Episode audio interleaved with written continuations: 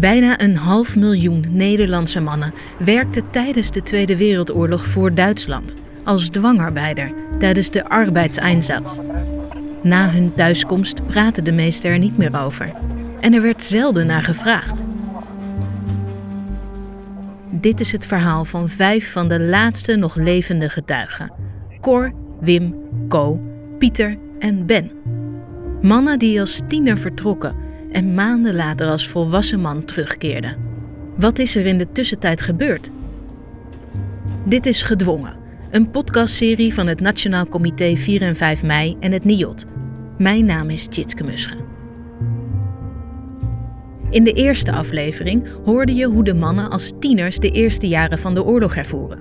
En hoe de arbeidseinsatz steeds meer als een zwaard van Damocles boven hun hoofd kwam te hangen. Dit is aflevering 2. Duiken of meegaan? Die eersten die zijn nog uh, haast vrijwillig daarheen gegaan. Aan het begin van de oorlog weet Pieter Bauma, student in Delft, nauwelijks wat de arbeidseinsatz is. Hij kent wel verhalen over werklozen die naar Duitsland gaan. Ze zijn begonnen eerst met alle werklozen daarheen te sluizen. In zekere zin werden die mensen daarmee geholpen. Werkloos zijn is ook niet zo prettig. Er zijn inderdaad mannen die vrijwillig in Duitsland gaan werken, vanwege de hoge werkloosheid die er in Nederland heerst. Maar in de grensstreek zijn werkloze mannen al sinds 1936 verplicht om in Duitsland te gaan werken. In juni 1940 wordt besloten dat daar ook dwang voor mag worden ingezet. Dat hoort ook scholier Wim Missel, die dan net de bombardementen in Rotterdam heeft gezien. Het is natuurlijk een, tijd geweest dat er heel veel werklozen waren. En uh, dat, uh, ja, dat had tot gevolg dat ze dus gedwongen werden om in het buitenland te gaan werken. En uh, merkte daar verder niet veel van. Dit verandert naarmate de bezetting langer duurt. Omdat Duitse mannen aan het front vechten, zijn er grote arbeidstekorten in onder meer wapenfabrieken in Duitsland. Daarom begint de bezetter vanaf maart 1942 overal in Europa met het uitkammen van bedrijven, op zoek naar geschikte mannen die gedwongen worden om in Duitsland te gaan werken. Pieter Bauma. Moest de directie moest maar zeggen wie dat zouden zijn. Hè? Dat moesten dan meestal de ongehuwden zijn. En, eh, nou, maar dat was niet zo prettig. Maar dat wist u wel dat dat gebeurde? Dat, wij wisten dat dat gebeurde. En wist u ook waar ze naartoe gingen? Uh, nee, dat wist je van tevoren niet. Dat hoorde je dan achterna. Een van de mannen die in deze fase van de arbeidseinsatz wordt opgeroepen is Co Knuppelder. Hij is dan 17, draagt altijd een kostuum en is in de leer bij een bedrijf in Amsterdam dat neonverlichting maakt. Door de personeelschef werd ik, werd ik op kantoor geroepen. En uh, toen werd me dat verteld dat ze gedwongen waren om iemand weg te sturen. Ja, en ik was voor, voor het bedrijf was ik nog eigenlijk uh, 0,0, maar niet van alles. Ja. Wat wist u van de dwangarbeid? Niks. Helemaal niet. Helemaal niet. Wat dat betreft was ik zo na naïef als wat. Ik heb me eigenlijk erbij neergelegd. Ik wist helemaal niet wat de, wat de, wat de gevolgen ervan waren. Ik kreeg wel een, een, een, een papier met erop van... als je niet komt, dan wordt een van die familieleden opgepakt. Ja, dat heb ik eigenlijk zonder meer eigenlijk geaccepteerd. Want ik wist niet even wat onderduiken was. Kort daarna meldt Co zich op station Amsterdam Centraal. Ik had een koffer. En uh, ja, daar werd uh, natuurlijk van alles in gedaan, onder andere mijn kostuum. En, uh, en natuurlijk wat ondergoed, sokken. En waarom een kostuum? Je had helemaal geen idee dat je wegging wat je te wachten stond. Helemaal niet. In de vorige aflevering hoorde je al hoe Cor van Dijk uit Poeldijk in november 1942 van zijn baas te horen krijgt dat hij in Duitsland moet gaan werken. Cor is dan 18 jaar en werkt in een levensmiddelenwinkel. Hij kwam er s'avonds, vertellen dat uh, ik helaas dus naar Duitsland moest vertrekken. En toen vroeg mijn moeder nog aan hem van, uh, is er geen mogelijkheid om daar aan te ontkomen? Dat lukt. Cors baas sjoemelt met de boekhouding en regelt een baan voor hem bij een tuinbouwbedrijf. Toen heb ik daar gewerkt tot uh, van november 42 tot mei 43. En uh, dat persoonbewijs werd dus veranderd in tuinarbeider. Cor weet dus te ontkomen aan de tewerkstelling. Nu nog wel. Hij is niet de enige die onderduikt, bij lange na niet. En het aantal mannen dat wel naar Duitsland gaat, blijkt niet voldoende om de fabrieken daar draaiend te houden. Omdat inmiddels alle Duitse mannen zijn opgetrommeld om naar het front te komen. De bezetter wil zo snel mogelijk arbeiders naar Duitsland halen. Eerst moeten alle werknemers van 18 tot 35 jaar zich melden. Ze worden op de trein naar Duitsland gezet. Daardoor moeten steeds meer bedrijven in Nederland sluiten. En dan worden bijna 300.000 oud-militairen opgeroepen. Dat is het zijn voor een deel van de Nederlandse bevolking om in opstand te komen. Maar liefst 200.000 mannen en vrouwen staken hun werk. Ook in Trimunt, een klein dorpje vlakbij Groningen. Op 3 mei 1943 versperren boeren daar met een boomstam de weg voor de Duitsers. Dat moeten ze met de dood bekopen alle mannen die ze kon vangen, die hebben ze doodgeschoten. 16. Dat was heel erg in, in zo'n dorp. Zo te zeggen, de helft van de man was dood. Pieter is bij zijn ouders in Groningen op dat moment en hoort al snel wat er gebeurd is. Dat was niet het enige. In, bijvoorbeeld in Groningen, in de stad, er zijn toen ook allerlei mensen doodgeschoten hoor. Ja, heel, heel willekeurig. In de weken daarna zijn er ook grote protesten elders in het land. Daarop is toen gevolgd dat alle studenten die de loyaliteitsverklaring niet hadden getekend, die moesten zich melden voor werk in Duitsland. Alle studenten die niet de verklaring hebben ondertekend dat ze loyaal met de Duitsers zijn, moeten zich melden. Dat betekent dat ook Pieter aan de beurt is.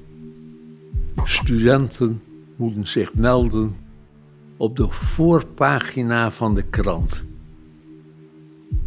Wanneer Pieter de oproep krijgt, weet hij al wat hij gaat doen. Ik had in het hoofd dat ik naar Friesland ga. Daar, daar lag onze boot toen. En uh, ik zou naar die boot gaan en me daar verstoppen. Dat was mijn eerste gedachte. Maar daar steekt Pieters vader, die chirurg is, een stokje voor. Mijn vader die zei, ja, jullie kunt wel wegkomen, maar ik niet. hè? Want hij, ja, hij zat met dat ziekenhuis en met de patiënten. En later is gebleken dat hij had ook nog Joodse patiënten. Eh, stiekem in het ziekenhuis. Ja, die waren ondergedoken. Uh, ja, die, die kregen ook wel eens uh, blinde darmontsteking of zo. En die werden dan uh, ja, onder een valse naam werden die opgenomen, dat er niemand daar weet van kreeg. Dus uw vader deed een beroep op u? Ja, dat, daar komt het eigenlijk op neer, ja. En hoe ging dat dan? Hoe bespraken jullie dat? Nou, hij zei, het kan zo niet. We moeten ons erbij neerleggen, zei hij. Want eh, die Duitsers die nemen nu maatregelen, daar zijn wij niet tegen opgewassen. In diezelfde periode, mei 1943, krijgt Cor, die na de eerste oproep ondergedoken zat bij een tuinbouwbedrijf in Poeldijk, bezoek van een politieagent die hem komt waarschuwen. Als je dus nu ondergedoken blijven en ze vinden je, staat de doodstraf erop. Ook voor mijn ouders. Ja, ik zal me niet vertellen wat mijn vader zei. Dat waren geen, geen gekuiste woorden, waren dat. Ja, mijn moeder die vond het uh, natuurlijk vreselijk. Ik had ook een, een buitengewone band met mijn moeder. Ja, die, die heeft van alles gedaan om, om te kijken van of ik nog ergens anders terecht kom. Maar de pogingen van Cors moeder hebben geen effect dit keer. 100 jongens uit Poeldijk moeten zich melden. Ook Cor. Er zaten er ook verschillende op de voetbalvereniging waar ik ook voetbalde. Dus ik kende ze eigenlijk allemaal. Ik was bovenal heel kwaad. Heel, heel kwaad. Want ik wist dus dat, dat je geen andere kant uit kon. Een kat in het nauw eigenlijk. We gingen ontkomen aan. En ook het feit van waar gaan we heen natuurlijk. Hè? Ja, mijn moeder die uh, ja, huilde tranen met uit. En ook mijn zussen, drie zusjes om je heen. En mijn oudste broer die zat zich ook te verbijten. En ja, het, was gewoon één brok ellende eigenlijk. Ja, je ging weg en uh, ja, waarheen en uh, hoe zal het aflopen? Je wist het niet. Cor is nog nooit alleen op reis geweest. Hij heeft een week om zich voor te bereiden. Ja, uh, gaan zoeken voor, voor kleren, zelfs voor koffers, want er waren geen koffers ook meer te kopen. Er was één koffer die was van, ja, wat voor materiaal of dat was, weet ik dus niet. Het was ook van heel slecht materiaal trouwens. Maar het was een soort uh, canvas. Maar ik had aan één koffer niet genoeg. En meer koffers waren er niet te krijgen. Dus er was een timmerman hier die zei van ik zal wel een koffer voor je maken. Nou, die heeft hij ook gemaakt. Maar die was al van zichzelf al heel zwaar. En met mijn kleren en schoenen en alles erin was die nog veel zwaarder. Dus ik heb met die koffers heel wat uitgestaan hoor. Er zaten geen wieltjes onder. Die waren er nog niet toen. En voordat we naar Duitsland vertrokken zijn we dus ook opgeroepen hier door de pastoor hier in Poelbijk. Om gewoon een avond te praten over hoe we ons moesten gaan gedragen in Duitsland. Maar wat voor een advies gaf hij dan? Ja, braaf blijven en uh, niet naar vreemde vrouwen kijken en zo. En, uh, ja, ach. Het was een beetje een, uh, ja, moet ik zeggen, een armoedige toestand eigenlijk. Ze wilden wat doen voor ons en ze konden niks.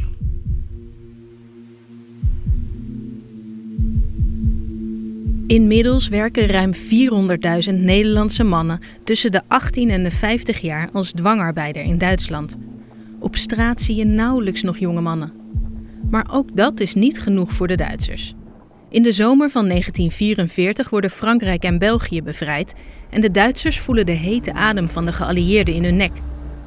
Ze hebben mankracht nodig om verdedigingslinies te graven. In Nederlandse steden vinden nu regelrechte klopjachten plaats. Begin oktober worden in Utrecht alle mannen tussen de 17 en de 60 jaar opgeroepen. Radio Oranje bericht erover. Aan deze oproep werd er slechts zeer weinig een gehoor gegeven. Vrijwel iedereen weigerde op te komen. Daarop is Utrecht omsingeld en werden 4000 mannen uit hun huizen gesleept. 2000 werden daarop via het IJsselmeer naar Meppel gevoerd voor het aanleggen van versterkingen in Drenthe.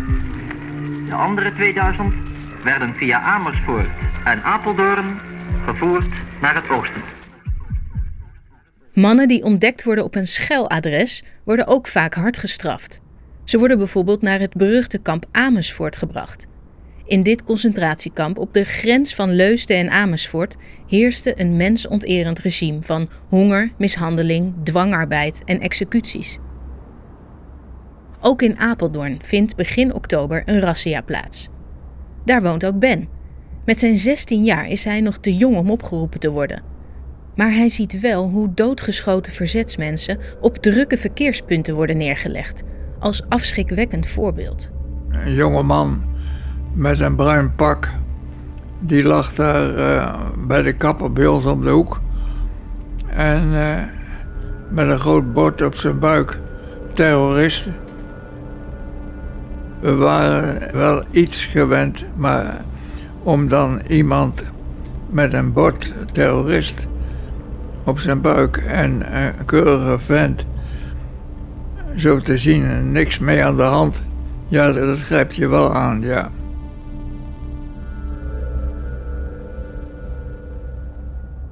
Wim in Rotterdam krijgt begin november 1944 de oproep in de brievenbus. Hij is dan 17 jaar oud. Zijn ouders verzetten zich niet. Nee. Ik heb wel het gevoel gehad, waarom hebben jullie mij laten gaan? En misschien ook is dat toch wel dreigement geweest.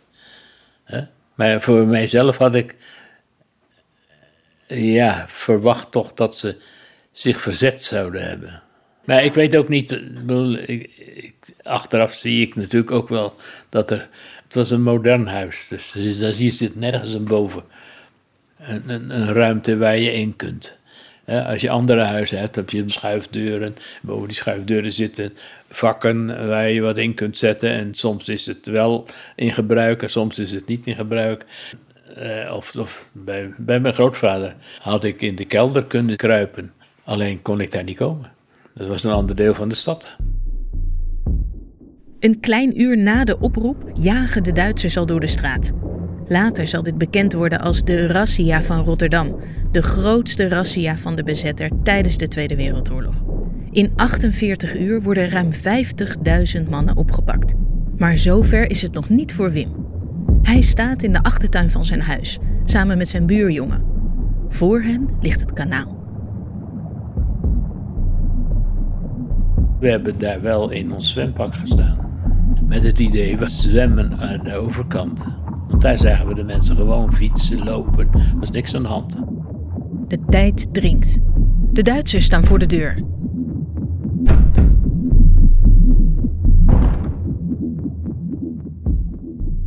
Hoe dichter bij de geallieerden komen, hoe banger de Duitsers worden dat de Nederlanders met hen gaan samenwerken.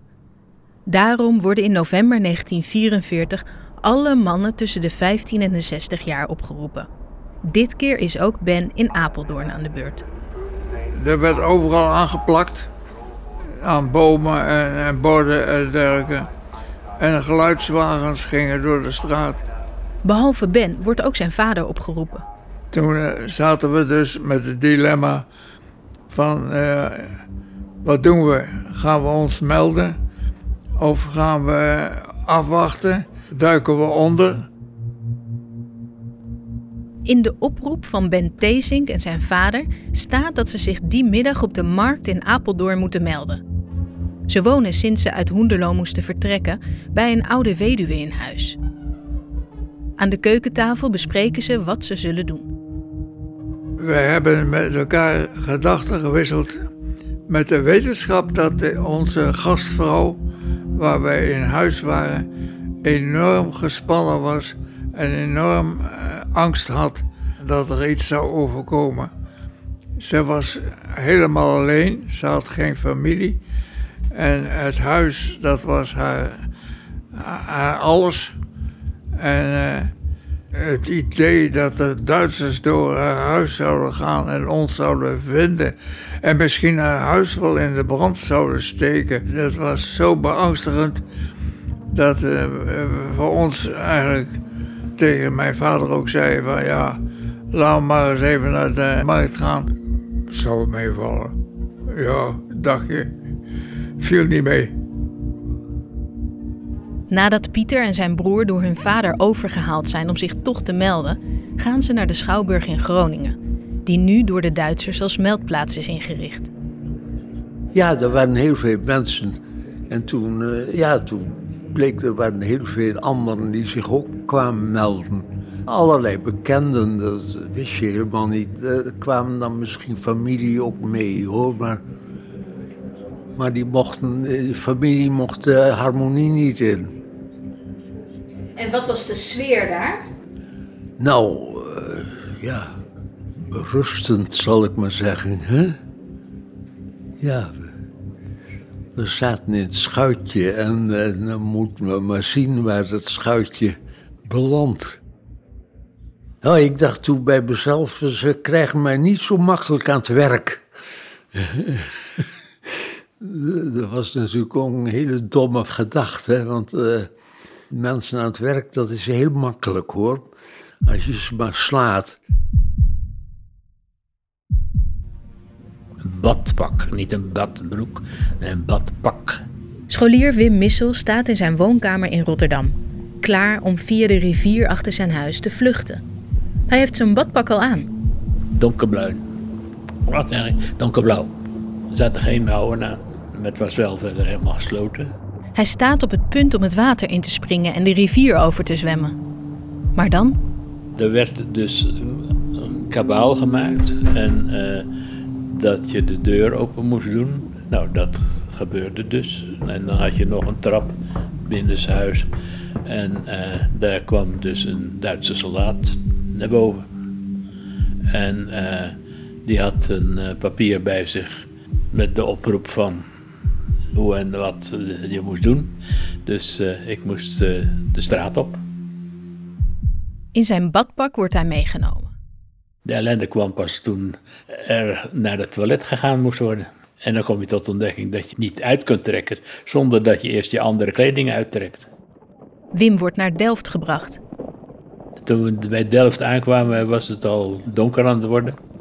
Als je niet doorliep, werd er naast je geschoten of dat je getrapt werd er niet eens zoveel, maar wel geschoten. We liepen met een aantal mensen ja, die, op de een of andere manier met elkaar praten. En eh, toen eh, hadden we daar zo- zo'n paar van die straatjes zo. Daar eh, hadden we het idee van, het is nu donker. Als we hier zo'n straatje in kunnen schieten, dan hebben we kans dat we eruit komen. Maar we waren niet de enigen die die gedachte hadden. Hè, Want we gingen dat straatje in en werden gelijk opgevangen en teruggestuurd. En toen had je het idee van, nou ja, dan hoeven we dat ook niet weer te proberen. Ben in Apeldoorn wordt naar het station gebracht. opgesteld in een lange rij in de Stationsstraat. En eh, toen begonnen we de richting te lopen richting het station. En dan hoor je dat getik. Dat de, in de oorlog had je hakken onder de schoenen. Die waren van die slechte kwaliteit. Dat binnen de kortste keren waren die weg. Dus wat deed de schoenmaker? Die maakte de, de hakken eronder. En die maakte daar een half cirkelvormig ijzeren plaatje. Maakte die eh, aan de hak onder met drie schroeven. Werd die vastgezet. En dus toen we gingen lopen, hoorde je anders dan dat getik van dat ijzer. En dat kan ik me nog zo goed herinneren. Onvergetelijk dat getik van die marcherende, zwijgende groep mensen Alleen dat ijzerwerk op straat, dat, dat, dat klinkt mij nog in de oren. In de volgende aflevering van Gedwongen, waar komen de jongens terecht? Het was barstend koud. Ik dacht, ik kom hier geloof ik in een soort paradijs. En hoe gaan ze om met de dwang waar ze aan onderworpen worden? Doen ze wat ze moeten doen? Of is er ook verzet? Wij waren ook een ploeg van eh, rovers. Gedwongen is een podcast van het Nationaal Comité 4 en 5 mei en het NIOD, geproduceerd door Aldus Producties. Research Renske Krimp, advies Christian van Emden en Frank van Vree. De muziek is van Darius Timmer en de mix en het sounddesign van Ruben Dekker. Eindredactie Emmy Colau. En mijn naam is Tjitske Musche. De podcast is mogelijk gemaakt door het Mondriaan Fonds en Buma Music in Motion. Veel dank aan Cor van Dijk, Ko Knuppelder, Pieter Bauma, Wim Missel en Ben Tezink voor het delen van hun verhaal. Wil je meer weten of reageren? Kijk op www.4en5mei.nl slash gedwongen. En vond je de podcast mooi? Laat dan een review achter in je podcast-app. Dat helpt ons om de podcast beter vindbaar te maken. Of delen met je vrienden en familie.